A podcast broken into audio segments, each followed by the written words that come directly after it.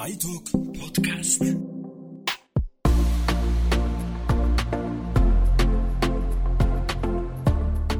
За сайн байцгаана уу?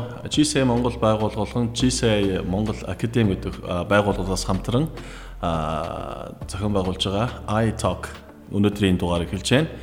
Тэгэхээр энэ iTalk гэж нэрлсэн нэг шалтгаан нь I гэдэгт учир би I гэдэг ихний хэсэг нь impact буюу бас яг нийгэмд нөлөөллийг авчрыг individual гэдэг хоёр дахь утга нь хувь хүнд чиглэсэн. За тэгээд invest буюу хувийн чиглэлд одоо хөрөнгө оруулалт хийх ийм сэдвэр яг энд байгаа өргөдөн ирсэн зочд нь ярилцдаг юм байна. За ингээд өөрсдөө танилцуулъя. Намайг Инх тайван овогтой Чин Зориг гэдэг Дэл Кернег тренинг Монголын байгууллагыг үндэслэн одоо хамтран үүсгэн байгуулагч за тэгээд сургалт хариуцсан захирал мастер багшийн эрхийг эзэмшдэг багш байна. За ингээд манай хоёр бас өөрсдөө танилцуулно. За сайн байцгаана уу? Прүжөө огтой ганалгор Ганабел институтийн үүсгэн байгуулагч байгуулагч тэгээд хүний нөөцийн зөвлөхөр ажилладаг. GCI 2008-аас 2010 оны гишүүн байсан. За. Намайг Бигдж огтой Эрдэнэ гэдэг GCI Монгол байгууллагын сенатор маркетингийн мэрэгжилтэй маркетингийн зөвлөх компани ажиллаж байгаа. Одоо сэтгэл судлалаар суралцаж сэтгэл судлаач болох зорилго тавиад явж байгаа хүн байгаа. За тэгээд өнөөдрийн сэдв нь их том сэдв байна.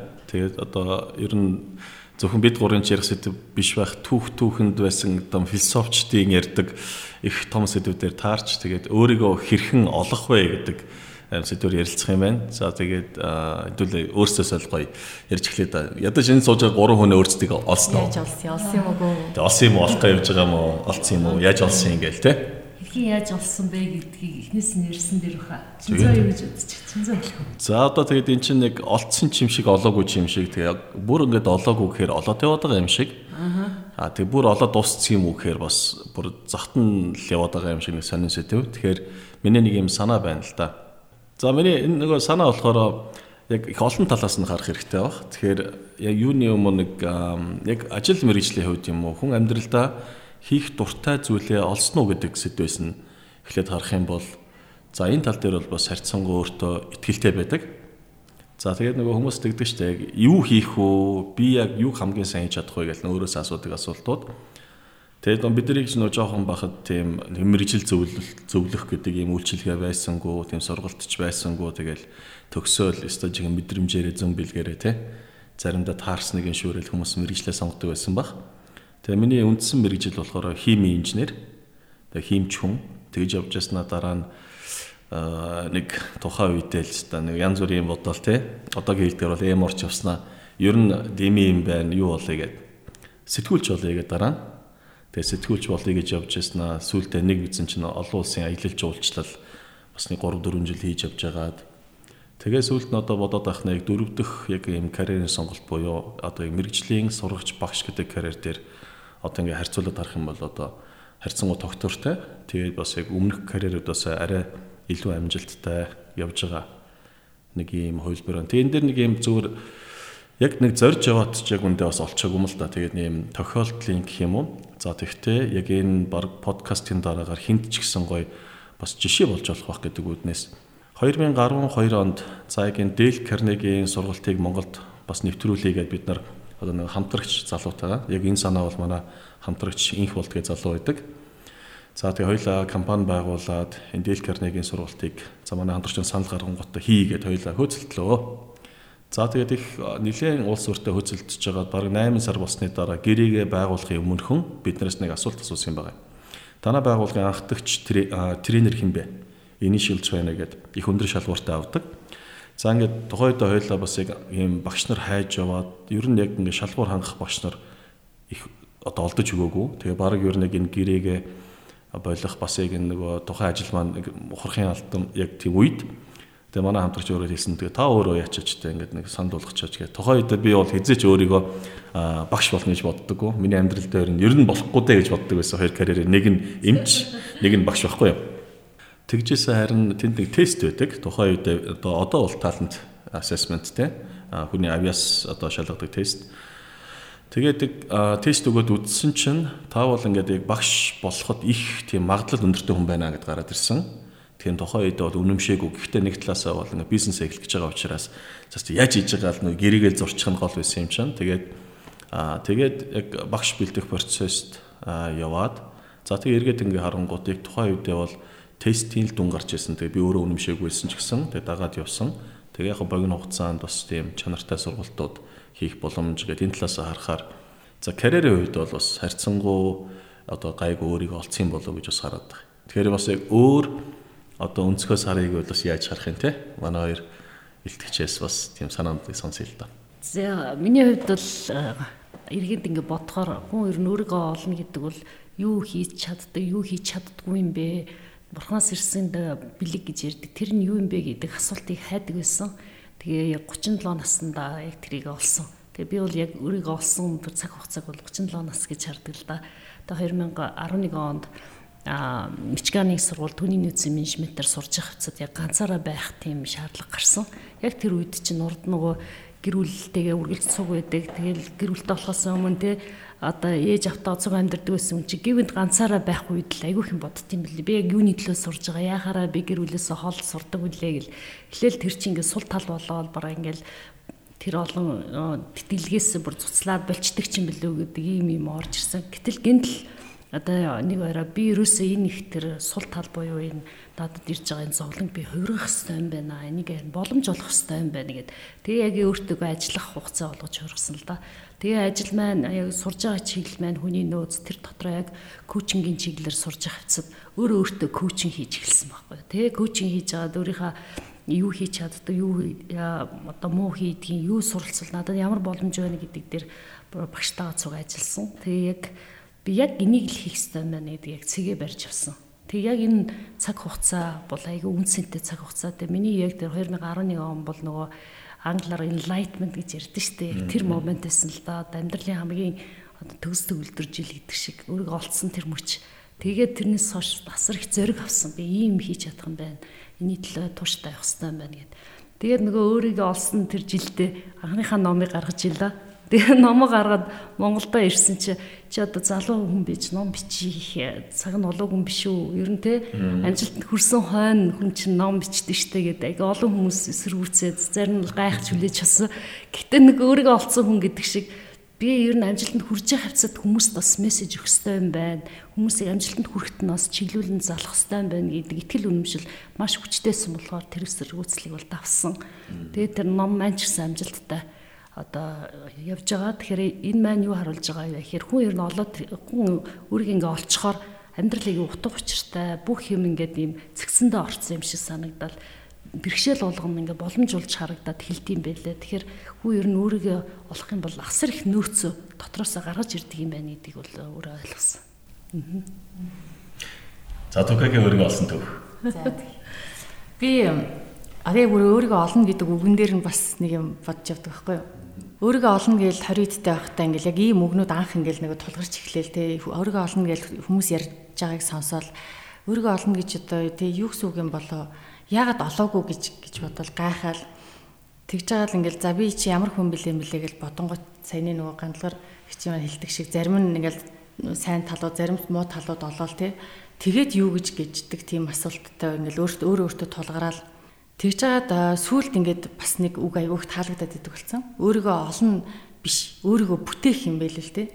Тэгээ өөрийгөө олно гэдэг нь нөгөө нэг даваа сул талаа олохыг л хэлж байгаа. Гэхдээ тэр нь одоо юу гэдгийг асуудал шийдчихлээ гэсэн үг огт биш. Өөрийнхөө даваа сул талыг олцоод тэгээд өөрийгөө нөгөө өөрийгөө хүн олдог биш, өөрийгөө би бүтээдэг юм байна гэж ойлгосон сүүл рүүгээ.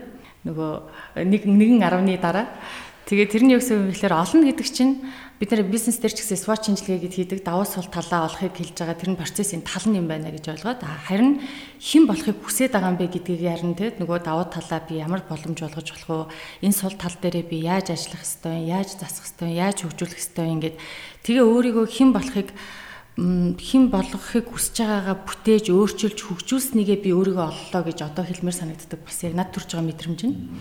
Би одоо өмнө маркетингийн мэрэгчлэлтэй хүн байхдаа ажиллаж исэн одоо тэр мэдрэмжээ би илүү сайхан болгох боломж сэтгэл судлалын чиглэлээр ажиллавал байгаа мó гэж бодоод тэрийгээ одоо яг судлаад яг энэ өөрийгөө бүтээх олох өөрийгөө танин мэдэх мэрэгжлийнхаа хэлээр бол тийм энэ процесс нь бас нэг юм техниктэй юм байл л те дарааллуудтай тэрнийхэн дагуу хийгээд одоо яг ингээд сэтгэл судлаар сураад нэг пэйж групп ажиллуулж үзээд хүмүүст нөлөөлж үзээд хүмүүсийн амьдрал өөрчлөгдөж байгааг харж амар кайф авангуудаа энийгээрээ улам одоо өөрийгөө олох гэх юм уу тий улам ихээр одоо өөрийгөө бүтээх хүсэл төрөөд тэгээ явж байгаагаа одоо өөрийгөө олох юм байна гэж ойлгоод байгаа. Тэгэхээр өөрийгөө олсон гэж ойлголоо зөв. Өөрийгөө бүтээж өөрийгөө олсон олсон. Тэгс чи нэг юм сонин гар байсан. Таалагдаагүй. Аа би өөрийгөө бүтээж эхэлсэн байхгүй юу? Аа би тэгвэл хэн болохыг хүсэж байгаа, хэн болохыг хүсэж байгаа маань энэ лав биш, энэ эрдэнэ лав биш те. Би энэ хүнийг олохыг хүсэж байна гэж тэр хүнээ бүтээж эхэлсэн. Тэг бүтээх явцад одоо н олох гэдэг чинь зогсон цаг дээр байгаа байхгүй а бүтээх гэдэг чинь өсөх цаг дээр байгаа юм шиг санагдаад яг тэр нэг өсөлтийн юм амтыг мэдрэнгуут амар гоё санагдаад яг тэрэндээ ингээд дурлаад тасралтгүй одоо өсөх хөгжих сурах гэдэг зүйлээр хичээлэл тэрийг өдөр болго өөрийгөө шинээр олоод л те дахиад нэг чадахгүй юм болол дахиад нэг чаддаг юм болол ч юм уу.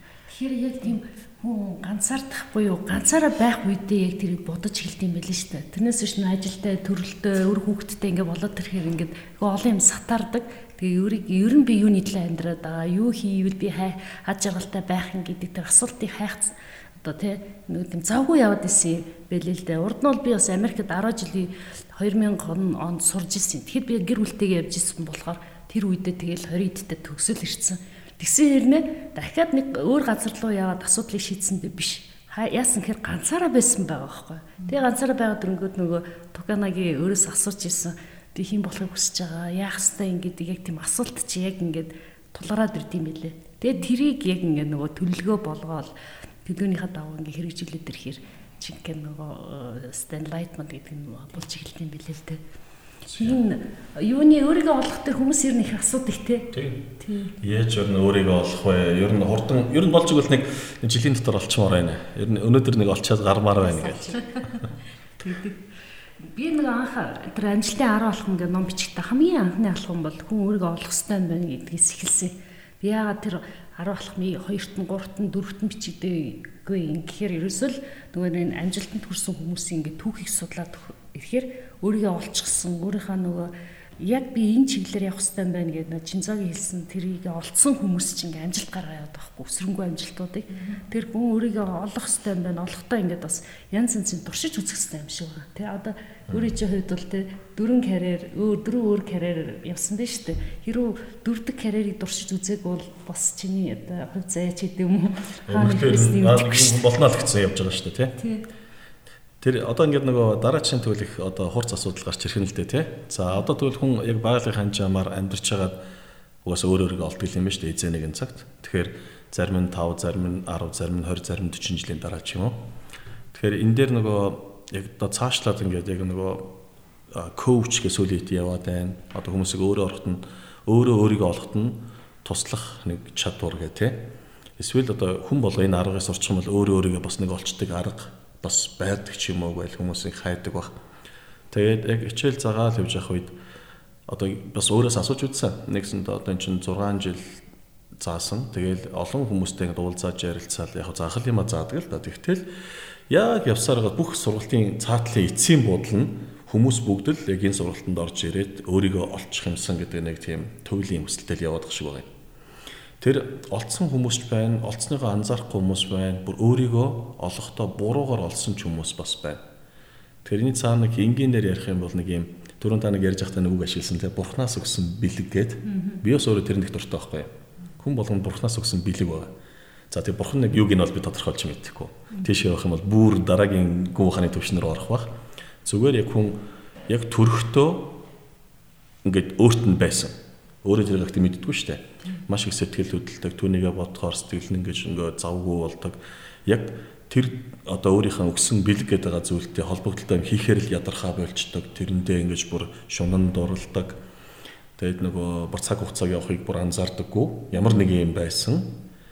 За тэгээд энэ нь хамгийн гол нь хүүхэд насанд нь ч байсан, өсвөр насанд нь ч байгаад гэр бүл үүсгээд явхад нь ч байдаг. Тэгээд хамгийн актер нь болохоор энэ хорог ортол хүнээс салтгүй юм шиг байна. Тэнгүүт нөгөө бурхнаас өгсөн бэлэг нь буруу таньчихаараа жоох аюултай болдог. Нөгөө бурхнаас өгсөн бэлэг биш эсэргээр хараал бас бас болж болно. Одоо жишээлбэл ийм ийм тохиолдол зөндөө байгаа байхгүй. А хүүхдэд таньж мдэггүйгээсээ болоод одоо ингээд бид нар ч өөрөө өөрсдөө олох гэж байна те. Гэтэл ээж аав нь хүүхд нь өөрийгөө мэдээж олоогүй байгаа шүү дээ те. Ээж аав бол хүүхдийг олоход өөрийгөө олоход туслана гэж байгаа юм. Тэгэхээр энэ дээр нэг тийм зүгээр нэг сургам хүмүүжүүлэгчний ярьсан жишээ надад маш их таалагддаг. Нөгөө TED.com-оор орохоор нөгөө TED Talk дээр байдаг. Нэг мундаг сургам хүмүүжүүлэгч тэгээд дээрэс нь сэтгэл судлаач юм баггүй. Тэр хүн юу хэлсэн гэхээр өөр нэг юм кейс ярьж байгаа юм.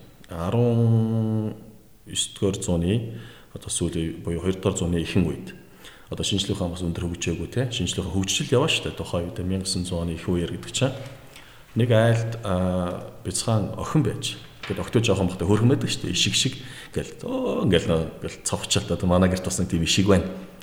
Тэгэл эн тэнд үсэр чараагаал тэгсэн.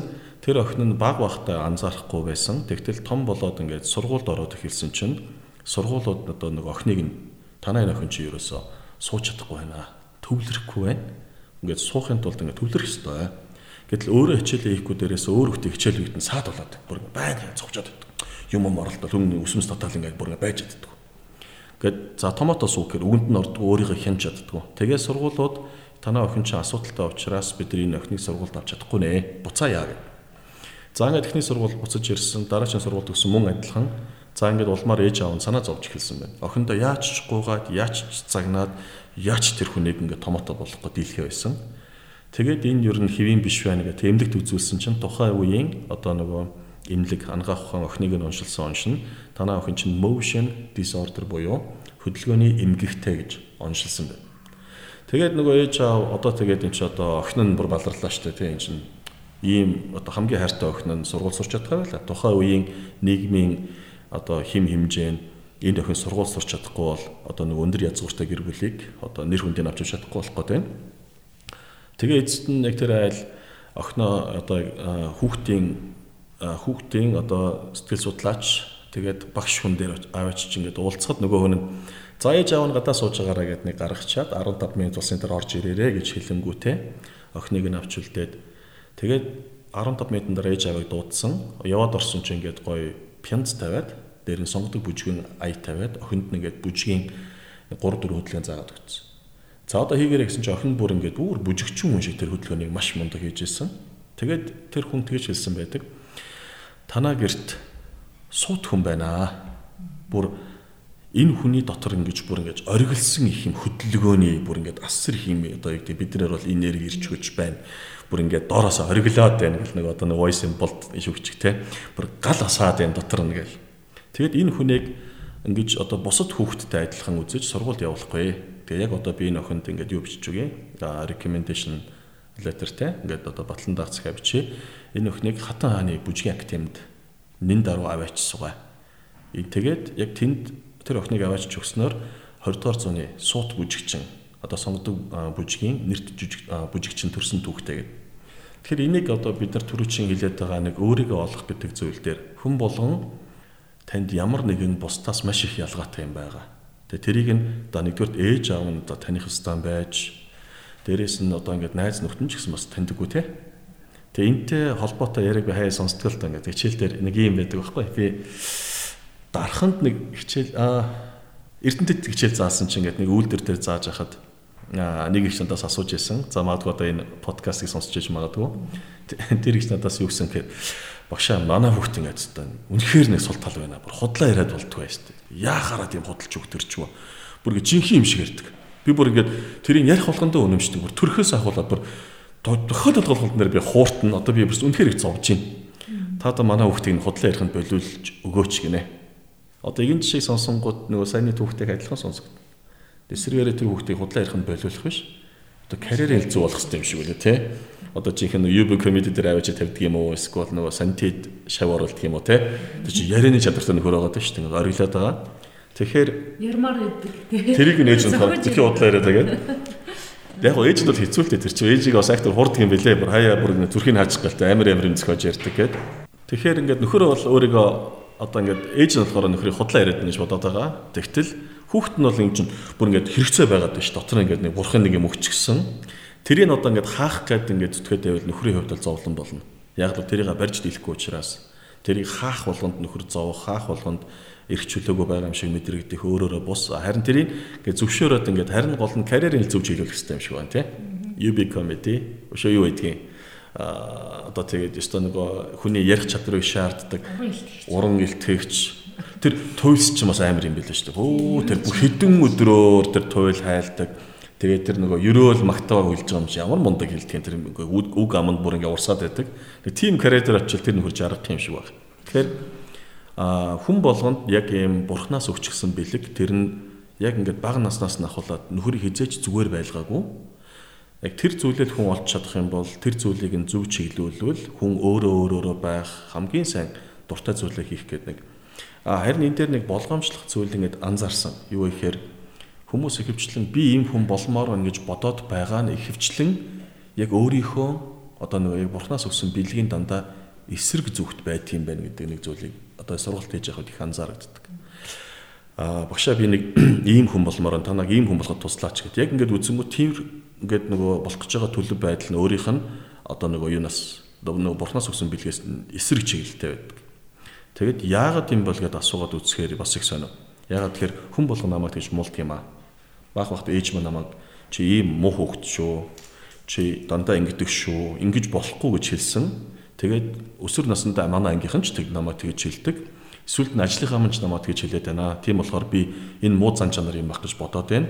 Тэг ийм хүн биш болоход туслаач гэдэг. Тэг яг нөгөөнтэй уулзаад үзэхээр яг нөгөө нуугдчихсан давуу тал нь байгаад байдаг. Тэрийг нь олоогүй хүмүүс Тэрийг нь одоо сул тал чи бол ингээд өөрөө цаад хүмүүст нь тэр нөгөө тэр хүний одоо нөгөө бэлгийг уншиж чадахгүй болохоор ихэвчлэн тэгж хэлээд идэг юм байна.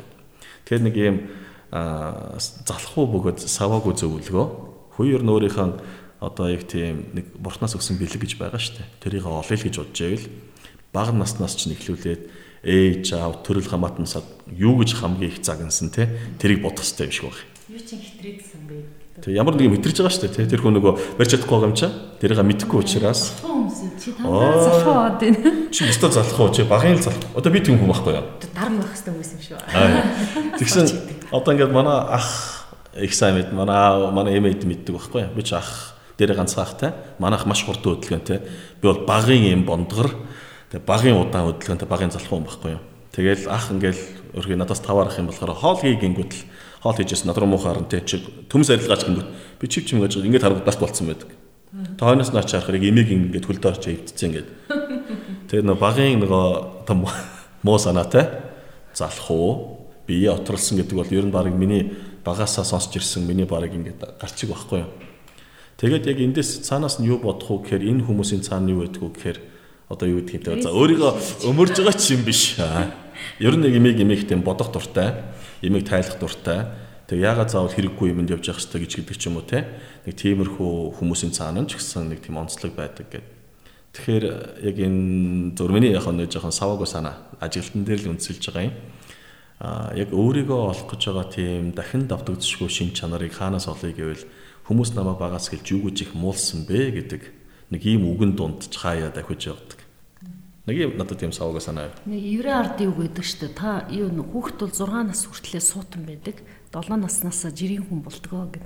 Тэгээ жирийн хүн болдог шалтгаан нь ингээд ерөнхий боловсролын сургуульд аваачаал ерөөсө ширээний ард аваачаа суулгачдаг. Тэнгүүд яг ижлэг унших хэвээр ижлэг байх хэвээр гэж стандарт тавьчихдаг тий. Яг тэрүүн шиг юу жишээ надад тэр санагдлаа. А тэг яг ингээд өөрийгөө олсон хүмүүс байдаг ингээд хүмүүстэй олон одоо сар жилээр уулсан шүү дээ. Одоо Миний хувьд бол көж хөтөлбөрөөр бүтэн 6 сар нэг хүнтэй ажилладаг байхгүй. Тэгэхээр айгу мундан мундан хүмүүс ер нь зорж ирдэг. Зарим нөгөө түрүүн чин цагийн хэлдгээр өөрөө олцсон хэрнээ олсноо ч мэдэхгүй хүмүүс байгаа. Олсон хэрнээ одоо би энийг юунд ашиглах уу, яаж чиглүүлэх үү гэдэг арга мэдих зорилгоор ингэж уулздаг байхгүй. Тэгэхээр яг ингээд өөрийгөө олцсон хүмүүс биш тийм ийм мэдрэмж аваад байгаа байхгүй. Өнгөрсөндөө харамсахгүй, ирээдүйдээ стрессгээ болцсон. Яг одоо цагаараа амьдарч чадчих байгаа хүмүүс байгаа байхгүй. Тэгэхээр яаж юм тэгэхээр ирээдүйнхээ төлгөө гаргацсан.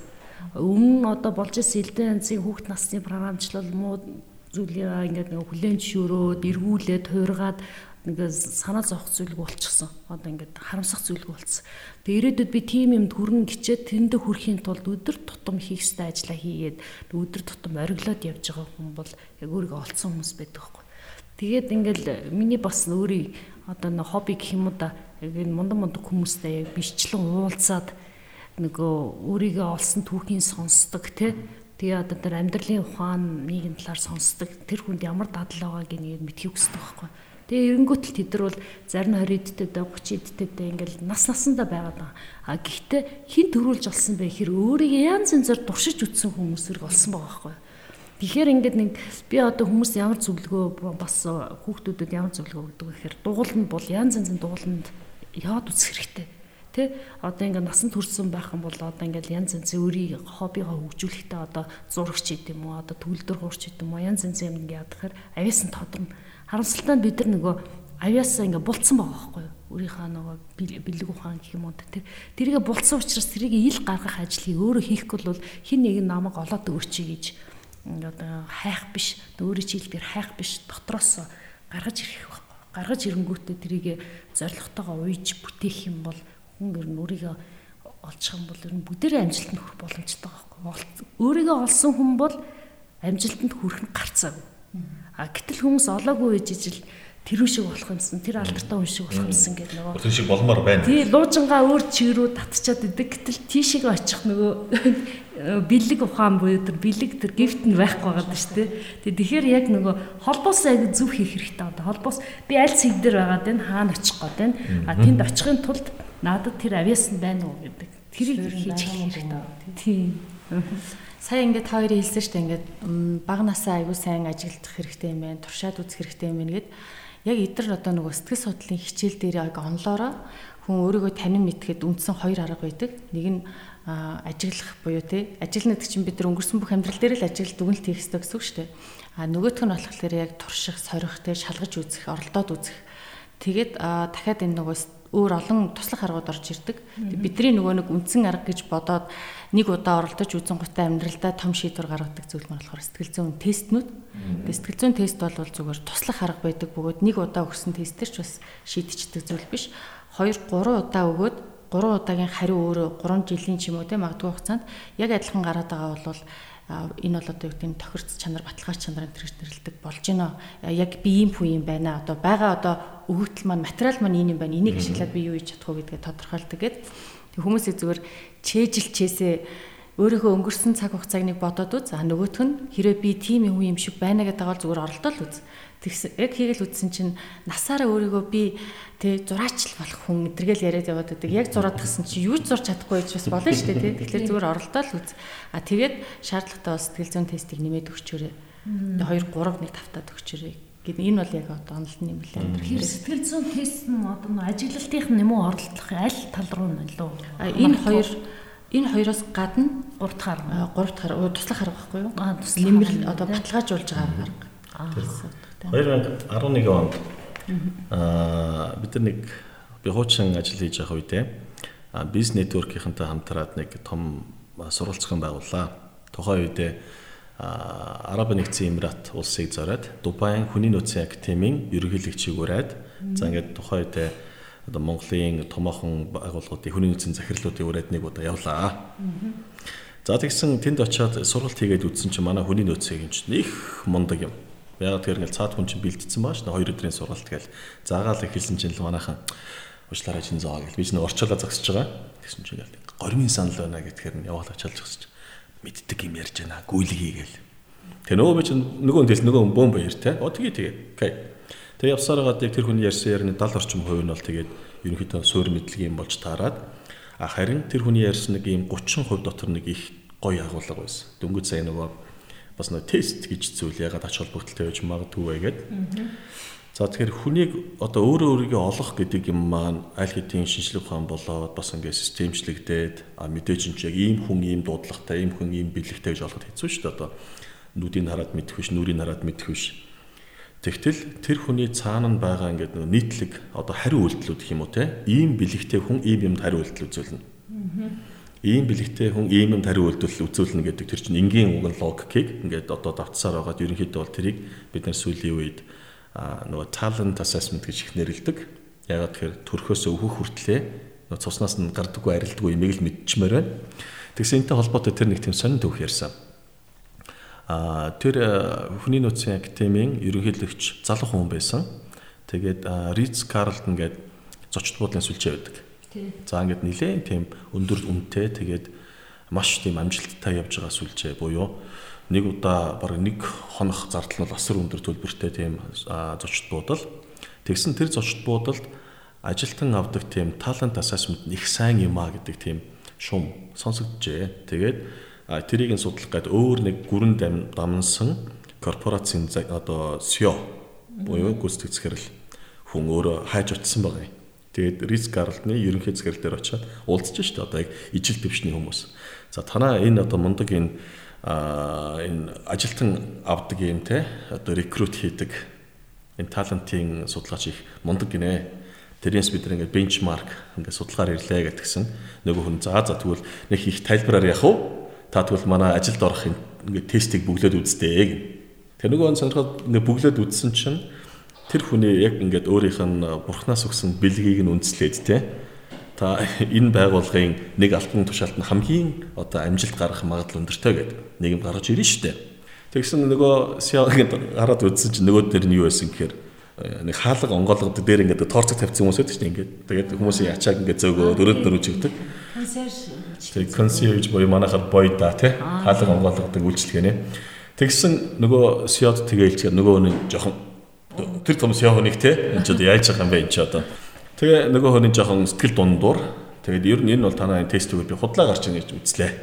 Гэсэн чинь нөгөө хүн нь одоо их гоё юу хэлсэн. Тэгээ you never know unless you try.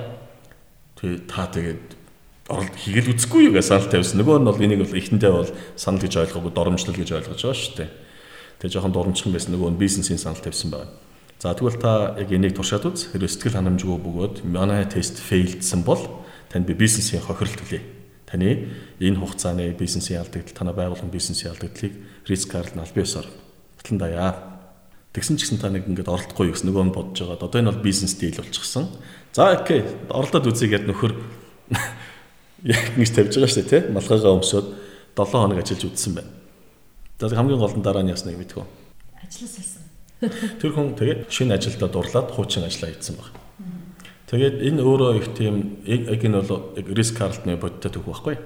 Тэгээд тэр хүн өөрөө тэр ажилдаа үнэхээр их дурлсан. Ягаад тэгэхээр тийм гоё өөрийнх нь сэтгэл таарна гэж огт төсөөлөөгүй те. Мэдээж тэр хүн өөр карьер дээр амжилтанд хүрсэн. Тэгэхдээ тэр карьер дээр энэ карьер шигэ сэтгэлэн цохлож, дурлаж, бүр ингэж амьдарч, утга учир авалж ингэж ажиллаагүйсэн. Тэгээд ер нь яг юм өөрийгөө олно гэдэг үзэгдэл заавал их цалинтай, их нэр хүндтэй гэдэг ажил дээр биш, юун дээр ч байж магадгүй гэсэн санаа. Тэгэхээр яг ийм тесттэй холбоотой их олон тийм жишээ байдаг. Тэгэхээр яг би бол аль болохоор нэг юурон л чиглээд байна л да. Ажил, карьер, мэрэгжлийн явд буюу амьдралдаа юу би хамгийн сайн чадах вэ гэдэг талбар руу. Тэр нөгөө манай JC-гийн бас гишүүн яг хиний манай мөнх нарангийн ярьсан жишээ тэднийх нэг карьер хөгжлийн төвгээд ажиллаулдаг. Тэгээ одоо дараачийн хүн солигдоод одоо манай ерөө бас булгаа нар хийж байгаа. Тэгсэн карьер хөгжлийн төв дээр дөнгөж эхэлж явах үед нь нэг охин хурж ирсэн байна. Тэгээ тэр охин яасан гэхээр нөгөө мөнх наранг өөрийг нь манай мөнх наран чинь сайн дурын үйл ажиллагаа зохион байгуулдаг байсан. Бид нар 17 онд нэг Азны хондлон чуулган зохион байгуулахдаа бас сайн дурынхан дээр хамтарч ирсэн байхгүй. Тэгсэн сайн дурын үйл ажиллагаанд нэг тусалдаг байсан нэг охин иржээ. Тэгээд тэр охин хүмүүлгийн сурвалж төгссөн. Тэгээд мөнх даран тухайн үед тэр компанид ажилладаг байх үедээ хүний нөөцийн ажилтан аавна гэж зар тавьсан байж. Тэгсэн хүний нөөц дээр тэр охин гэд хүч үзье. Би танад ажилламаар ингээд ирэхээр нь за тэгвэл чи манай дээр авдаг угаас энэ тест байгаа юм чинь чи өөрөө бүглөөд үзчих гээд. Тэгээ бүглөөд үзсэн чинь яг тэр охины хувьд хүний нөөц гэдэг нь хамгийн сайн ажилтнаас биш, хамгийн муунч биш дундаж байгаа. Нэгсэндээ олон карьер дундаас яг дундаж оноотой. Тэгээ өөрт нь хэлсэн байна. За миний тоо чи ихчийн байгууллагад ажиллаж болноо. Тэгээд юм бол чи ингээд сэтгэл ханамж бол иймэрхүү л байх юм байна. Харин миний чи ийм ажил хийсэн бол гэдэг өөрт нь хамгийн сайн хийж болох нэг карьерийг хийсэн нөгөө охин нэлээд тохойд нэлээд тэнэгэлзэж байгаа. Тэгээд за би танд хариугаа хэлье гэд явсан. Тэгээд тэрнээс хойш ирээгүй. Тэгээд жилийн дараа нөгөө охин эргэж ирсэн. Тэгээ маш гоё баяртай мэдээтэй ирсэн. Тэгээд нөхөр тэр жилийн хугацаанд яасан гэхээр хамгийн дээр нь байсан карьер нь уг нь өөрөө сэтгэлдээ бодож явдаг байж тэгвэл хүмүүлгийн их сургуулиар сурч байгаа үед эхлээд нөхөр маркетинг ангид орсон юм байна. Тэгсэн чинь багштайгаа муудалцаад тэгээд нөгөө багш хүн чинь хүний амьдралыг хөөрчилдөг шүү дээ. Тэгээд тэнгуут нь «Э, энэ муха багш ангид орохгүй гингүүтээ ангиас солиод хүний нөөц ангид орсон байгаа байхгүй. Тэгээд хэдийгээр дөрөв голчтой төгссөн ч гэсэн нөхрийн өөрийнх нь хүсэл нь юу гэхээр нөө бизнес хөгжүүлэх дуртай. Тэгээд нөхрийн хамгийн дээдлэлт нь бизнес хөгжил. Одоо нэг R&A гэж ярьдаг шүү дээ, тий. Бизнес хөгжлийн мэрэгжил хамгийн дээр гэдэг. Тэгээд нөгөө нөхөр тэрийг бодож яснаа шийдвэр гаргаад тэгээд өөрийнхөө мөрөөддөг байсан бизнесээ хөгжүүлнэ гэд. Тэгээд нэг Shark Tank ихний сурал дээр байна. Гэлгэрэм гэдэг нэг тийм савн байдаг тий. Гэлгэрэм гэдэг нэг тийм тэмээний бүх хоньны сүүлэл дээр байдаг тийм савн. Тэр савнгийн одоо тэгээд юу шүү дээ? Эзэн шүү дээ. гэдэг тийм. Тэгээд энтэй бас холбож ярихад хэрвээ тэр охин тэр тестийг өгөөгүй өөрийгөө яг юуг сайн чадхаа таньж мдээгүй байсан бол хүний нөөцл байсан те жилийн дараа ч хүний нөөцл байна. 2 жилийн дараа хүний нөөц, 5 жилийн дараа хүний нөөц, 8 жилийн дараа хүний нөөцийн менежер, 9 жилийн дараа хүний нөөцөөр үтсэн захирал гэтэл яг өөрийнхөө дуртай зүйлийг олоогүй байх магадaltaй. Тэгэхээр би энэний цаана нь аа одоо ингээд заавал одоо нэг те төрлийн тест гэж хэлэхгүй. Маш олон төрлийн тестүүд. Ер нь өөрийгөө таньж мэдэх юм. Тестүүд гэдэг бол ийм нөгөө юугаа олдог? Бурхнаас өгсөн бэлгээ бас олж болдог нэг товч арга. Тэгэхээр энийг бас битгий үл хойшоогоор хийгээд үзээрэй. Миний хувьд ч бас надад тусалсан зүйл учраас яг карьер яг тэр нөгөө бэлэг гэдэг ааш бурхнаас өгсөн бэлгээл цаг алдахгүй болъё гэж бодож байвал цаг алдах магадaltaй билээ гэж би бодсон би нэг өөрийгөө тест хийгээд үзсэн чинь би за яг нөгөө багш гэдэг мэрэгжлийн дээрээсээ 6-т байна. Тэгсэн дахиад яшаа харсан чинь мис заслын эмч гинэ. Одоо тэгээ би гид мис заслын эмч болъё гэвэл дахиад 8, 10 жил, 12 жил те. Тэгэхээр бас яг юм өөрийнхөө юм хийж чаддаг зүйл бэлэг эрт болох нь их зүгээр юм байлгүй шүү гэдэг бас нэг зөвлөгөө залуучуудаа заавал хүрмээр санагдлаа. Нэмээд хэлэхэд шүү дээ. Өөрөө бүглөхөөс гадна бас өөрийн чинь сайн мэддэг хүн дээр өөрийнхөө тухай бүглүүлэх хэрэг зүгээр байдаг. Олон тест. Тий, олон тестэд. Тий, одоо жишээлбэл гандлгар идэг хүнийг гэхдээ гандлгар идэг хүн бол намайг сайн мэддэг 4-5 хүнээр үнэлүүлнэ л гэсэн үг л дээ. Тэгээ нөгөө гандлгарыг бодож байгаад бүглэх байхгүй.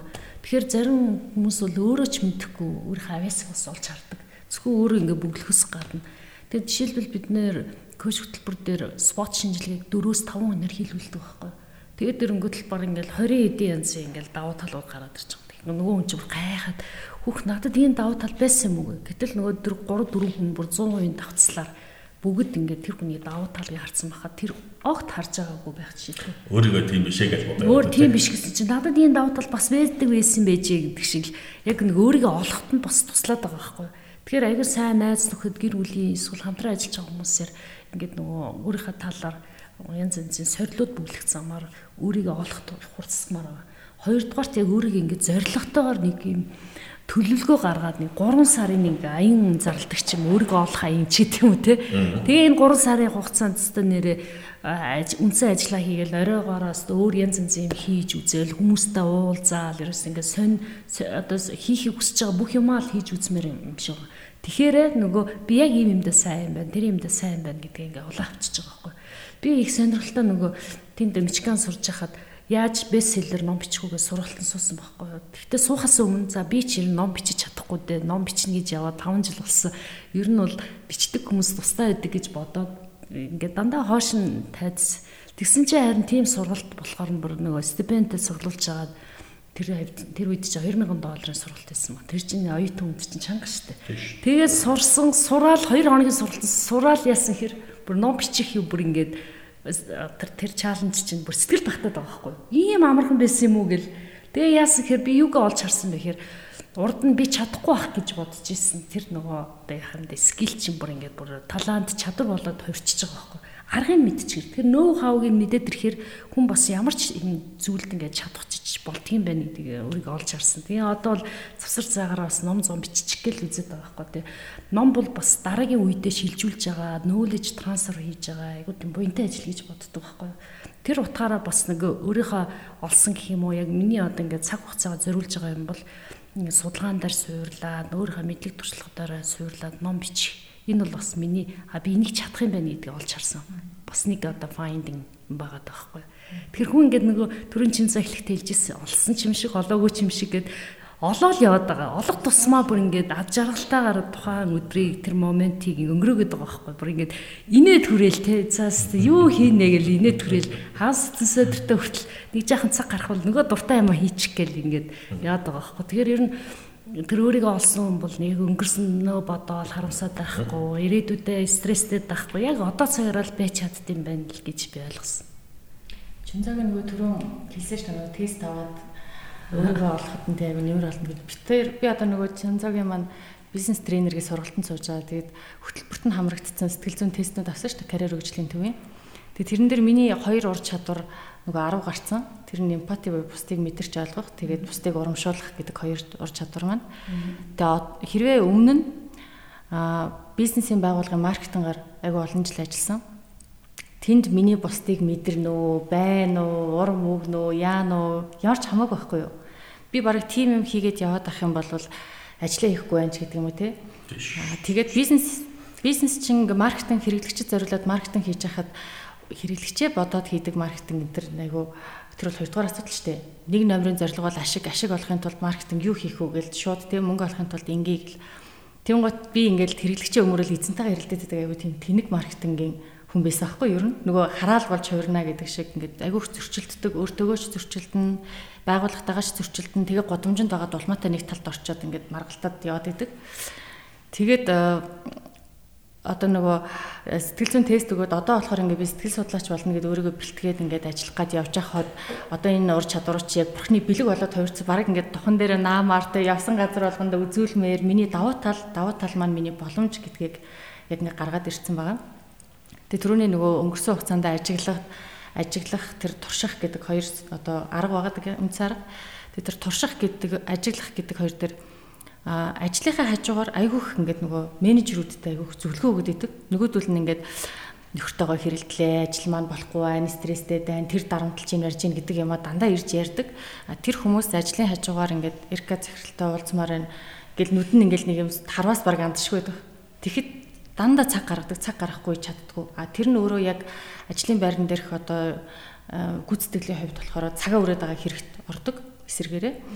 А тэгж явж байгаад а яг энэ сэтгэл зүйн би ер нь сэтгэл зүйч болвол яах вэ гэл найз нартай ингээл авир зөвлөгөөгөл явж байхдаа та нар мөнгө төлөх ёстой ш надад гэл Гэтэ би ер нь чадах юм уу гэм үзчихье гэж бодвол албаар ингээл цаг гаргаж байгаа л өгөөл дараа нь дандаа фидбек авах гал тэгээ яасан гэл тэнгууд ажилласаа уурандаа гарах гэжсэнэ боллоо ч гэдэг юм уу те эсвэл салах гэж оролдох гэжсэнэ болсон ч гэдэг юм ингээ ажилд амьдралд нь яг юм нөлөө үзүүлж байгаа үзүүлж чадчихээн гэдгийг туршиж үзээд тэгээд одоо яг тэр ажилласан туршиж үзсэн, тест бөглөөд үр дүнгээ авсан энэ гурав бол яг одоо ингээд өөрийгөө би яг ийм юм байна гэдгийг олцсон.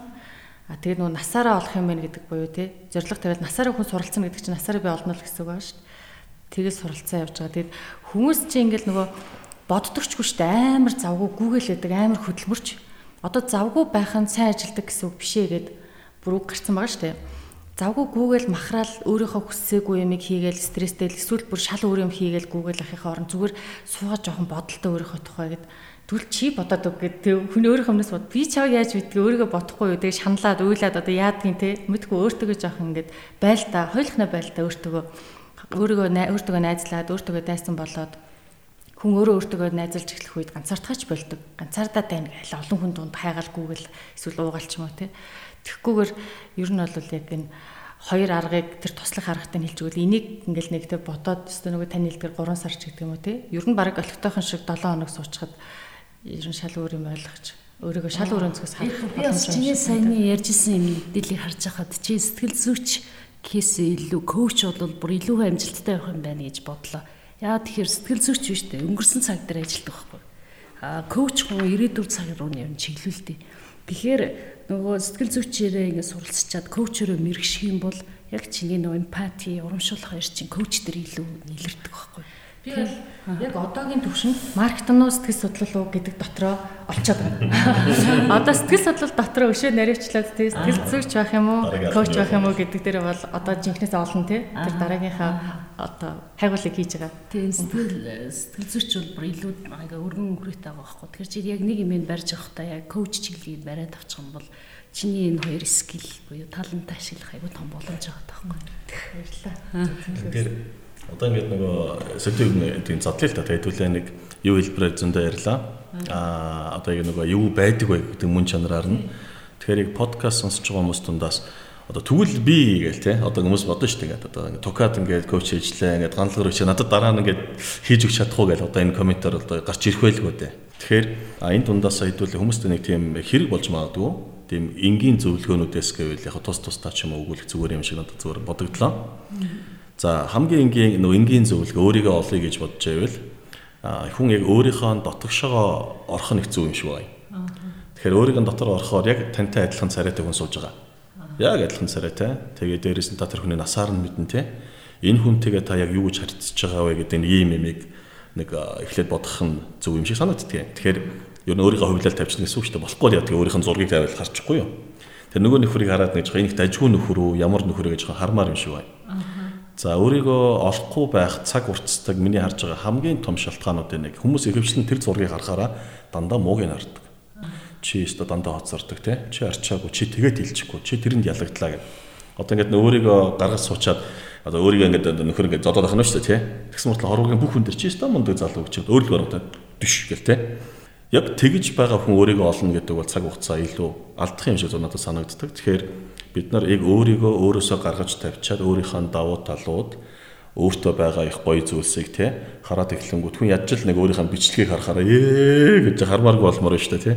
Их эвгүй нөгөө бичлэг хийгээд хамгийн хатар харахаас ингэж хараад байдаг юм те. Яг би мөн үү энэ миний дуу хоолой мөн үү гэдэг гэ.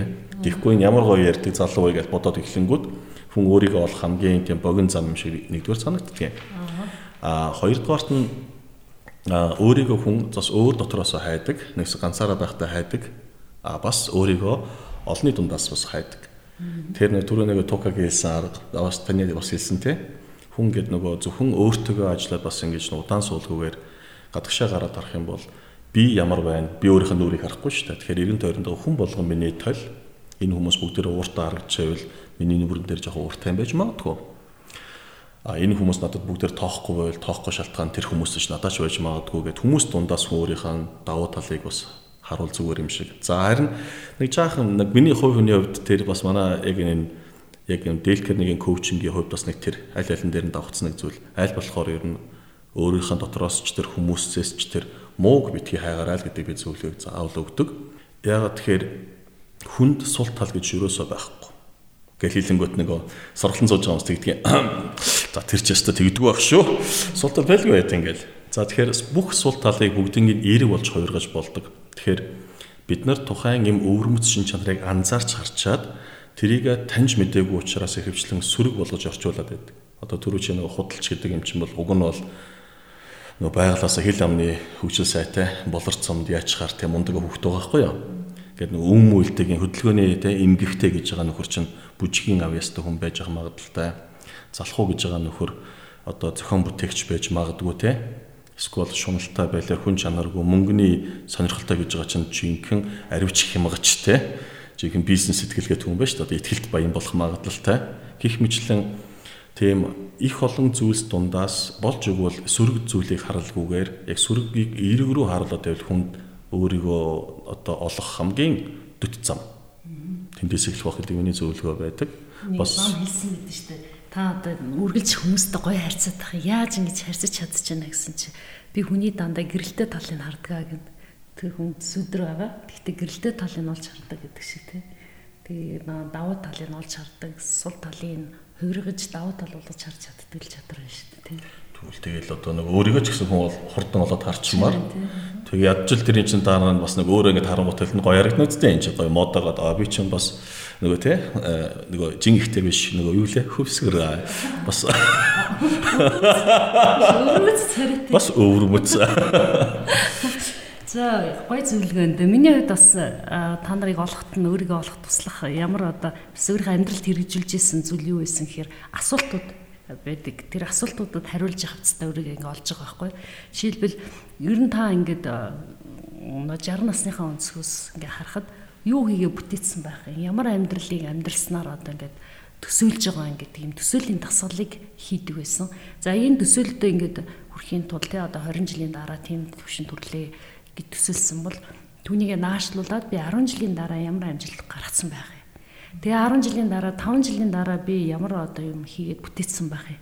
За би энэ 5 жилийнхаа зорилгодоо хүрэхин тулд би яг юу хийж чадах юм надад өгөх юм юу байгаа юм тий ур чадрын хувьд болон одоо зан характерын хувьд тий юмд айгу тууштай одоо хөдөлмөрч ч гэдэг юм уу тий ийм давуу талууд байна, зан чанарууд байна гэд. А харин энд хүрэхийн тулд юу юунд суралцах вэ гэдэг юм асуулт байсан байхгүй. За жишээлбэл би одоо сайн багш болыг илтгэх чадраа сайжруулах хэрэгтэй байна. Аюу сайн унших хэрэгтэй байна тий. Одоо одоо амжилтын талаар ингээд ном бичих байгаа бол би энэ амжилттай хүмүүсийн түүхийг судлах хэрэгтэй байна. Тэр амжилтын алгоритм гэдгийг нэг хайх хэрэгтэй байна ч гэдэг юм уу те. Хийх ёстой юм нь тодорхой болоод ингээд хийгээд ирэнгүүт аяанда би юу хаашаа өөрийгөө чиглүүлэх үү гэдэг. Яг тэрийгэ хийж явах хавцад өөрийгөө нэг олоод байгаа байхгүй. Тэгэхээр өөртөө нэг хэдэн асуултууд тавиад тэр асуулт нэгээд хариулж явах хавцад бас өөрийгөө олох бас нэг юм арга байна. За би нөгөө бизнесийн байгууллагаар аягүй олон жил ажилласан. Сэтгэл судлаач орж ирээд бараг жил болж байгаа. 15 жил нь болохоор бизнесийн байгууллагт байсан. Тэг бизнес хийхэд судалгаанаас эхэлдэг. Маркетинг чинь ингээ байгууллагын хамгийн өндөр зардлыг гаргадаг байхгүй. Тэг мөнгө өрхөөс өмнө судалж судалж хагаад нэг төгрөг болгоныг үр дүнтэй өрхийг хичээдэг.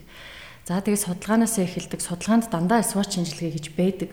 Энэ яг хүний амьдрал дээр адилхан байхгүй өөрийгөө танихаас олохоос эхэлнэ. Тэгээд бас л SWOT гээл давуу талаа ашиглавал над ямар боломж байна те. Энэ бурхны бэлэгээ олчих юм бол над ямар боломж байна гэд яг адилхан процесс. А гэтэл миний ингээд нэг ойлгосон бас харамссан зүйл юу гэдэг вэ гэхээр хүмүүс яагаад хүний ажлыг хийхдээ гаргадаг тэр их одоо хичээл зүтгэл хөдөлмөр зардал зүйлээ өөрийнхөө амьдралд тэгж гаргадаг өөрийнхөө амьдралын талаар бодогч завгүй мөртлөө хин нэгэн одоо даргын хин нэгэн эзний одоо ажлыг сайн хийхин төлөө өөрийнхөө амьдралаас илүү чухал гэж үздэг юм бэ.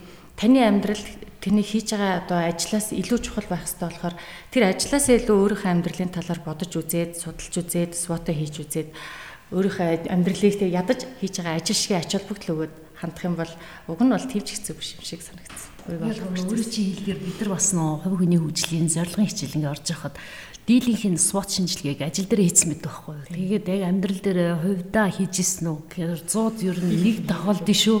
Маш бага тохиолдол нь яг үнэн. Тэгэхээр өөртөө чинь сонирхож өөрийнхөө амьдрал бас ач холбогдол өгөөч ээ. Тэгээд олноо, өөрийгөө олноо гэж. Тэгээд гарна олноо. Сая сая миний хамгийн сүүлд явуулж байгаа хичээл дээр нөгөө сурагч багш бэлтийгээд нэг хичээл явуулж байгаа юм. Тэгээ сая туг туг хайлт хэлсэн Тэгээд нөгөө хүмүүстэй ажиллаад за одоо чи ингүүл зүгээр шүү, чи ингүүл зүгээр шүү гэж одоо нэг тийг хүн цаад хүнтэйгээ ярилцж гаргадаг шүү дээ. Одоо хүний хөгжлийн төлөвлөгөө гаргаж байгаа. Тэгээд бодоод байсан чинь би өөрийн сүүлийн 2 жил дээр тийм асуултыг өөртөө нэг чигээгүй. Тэгээд нэг өдөр нэг хүн маань жоохон оройтож ирчихээр нь би өөрөө бодлоо зүгээр хүлээгээ сууж байхдаа. Үгүй ер нь чин зэрэг энэ хөрийг гаргаж агаад за чин зэрэгөө гэж байгаа нэг ярьж байгаад хийгээд үзьгээд ингээл за яг номосны дагуу ингэ яваад үзээд хамгийн сүүлд нь зөвлөгөө гарч ирлээ юм л да. Хэрэгжүүлэх алхмууд гараад Тэгээд дууссан. Тухайд аа гэж хагаад тэгээд тэргээ маргааш өглөө харсан чинь төс өөр хүний өгцөн зөвлөгөө шааргаж байгаа юм чинь жирийн үедээ бол би тэжээж тэгж боддоггүй юм байлээ. Тав тухтай зүйлээ бодно. Тэгээд нэг ихч нэг хайр цансгаач өөрийгөө бодохгүй байгаа ш. Тэгэхээр одоо хичнээн коуч хүн боллоо гэд хүн өөрөө өөрийгөө бас дахин дахин лилрүүлж дахин дахин өдөр болгон өөрийгөө харах хэрэгтэй байдаг юм байна. Тэгээд тэгээ ер нь бас хугацаа мажид өгч байгаа юм тий. За тэг миний зүгээс ингээд эцэст нь гэж хэлэхэд а ер нь яг өөрийгөө олно гэдэг энэ үйл явц бол маш инgiйлээд бүх яриаг ухраахад те яг энэ хорвоо дээр яг надад ирэхэд бусдаас ялгаатай ямар надад тийм сэтгэлийн дуудлага байна би юу хийх гэж энэ дэлхий дээр ирсэн юуг би хамгийн сайн хийж чаддгийг юг хийхдээ би жаргадгийг тэгээ юугаараа би хинтэж дахин давхцахгүй вэ гэдэг өөрийнхөө нэг тийм өөр хинтж байхгүй өрмөц өнгийг олж чадсан хүмүүс сэтгэлээрээ хамгийн бүтэн бөгөөд хүчтэй түүнийгээ хийгээ жаргаж чаддаг бас тэн дээрээ одоо бизнес хийлээр бол маш хүчтэй өрсөлдөхүйц болж чаддаг ийм л зүйл юм байна. Тэгээд харин тэрийг олцоод тэрэндээ ямар хувцас таарах вэ гэдэг нь дараач ажил юм шиг байна. Би ийм зан харилцаатай байх уу, ийм карьертай байх уу гэдэг нь. Тэгэхээр ийм мөн чанар буюу өөрийнхөө ийм яг энэ хорвоод ирсэн зориултаал олохыг миний бодлоор бол би өөрийгөө олох гэдэг ийм үгээр тодорхойлж байна. Тэгээ Warren Buffett нэг юм хэлсэн байдаг шүү дээ. Та санхүүгийн эрхчлөөнд төрсөн ч гэсэн ажилдаа дуртай хийдэг өдөр бүр хийдэг тийм ажил олоо. Тхиим бол мөнгөний араас хөөх шаардлагагүй мөнгө араас ч ирнэ гэд. Тэгэхээр энэ бол өөрийгөө олохтой холбоотой үг байхгүй юу. Тэгэхээр карьер бол аж аргалын нэг хэсэг байдаг. Тэгэхээр амжилттай карьер болохын тулд өөрийгөө олохоос эхэлнэ. Тэгээ өөрийгөө олж эхлэе. Олж эхлэх хугацаагаа өнөөдрөөс эхлээрэй. Надаа ингэж ийм мэдрэмж төрсөн А яг энэ бурхны бэлэгээ олохгүй а яг эсвэл тэрэндээ тохирсон ажил хийхгүй мад хайрт маркетинг мэрэгчлээд гэж хэлж болохгүй л дээ. Гэхдээ яг өнгөрснөөрөө үргэлжлүүлээд ингээд 30 жил амьдарснаас яг энэ бурхны бэлгээ олоод тэрнийхээ дагуу ажиллах юм бол 3 жил байсан ч гэсэн харьцуулшгүй аз жаргалтай өнгөрөх юм байна. Тэгээд өөр нэг дахин төрсэн юм шиг амар гоё мэдрэмж яг тийм гоё аз жаргалын амтыг мэдэрсэн. Тэгээд хүмүүст бол уриалж эхлэхэд энэ юусоо тийм хэцүү байгаагүй тий ажил шиг ач холбогдол өгөөл нэг шинэ бүтээгдэхүүн гаргахад бид нар нэг сар судалгаа хийдэг штэ. Тэрэн шиг баг сар ингээл нэг ач холбогдол өгөөд үзчихвэл өөрийгөө ер нь шинэ бүтээгдэхүүнгээ бодчих юм шүү. Тэг бодцоо тэг. Итгэцэн тийм би явчихаа за. За за баярлалаа. Тэгээд өөрийгөө хэрхэн олох вэ гэдэг сэдвээр ярилцлаа. Тэгээд нэвтрүүлэгт Dale Carnegie Training Монгол байгууллагыг хамтран үүсгэн байгуулагч сургалт хариуц хариуцсан захирал Чин Зориг AGC Монгол байгууллагын 2008-аас 2010 10 оны гишүүн. За тэгээд Ганабел институтыг үүсгэн байгуулагч ганд болгоорыгч. За тэгээд дээрэс манай одоо тарих загварч хэлж байгаа. Тэгээд сэтгэл судлаачаар одоо мэрэгшиж замж байгаа манай Эрдэнэ Бэнэр оролцлоо.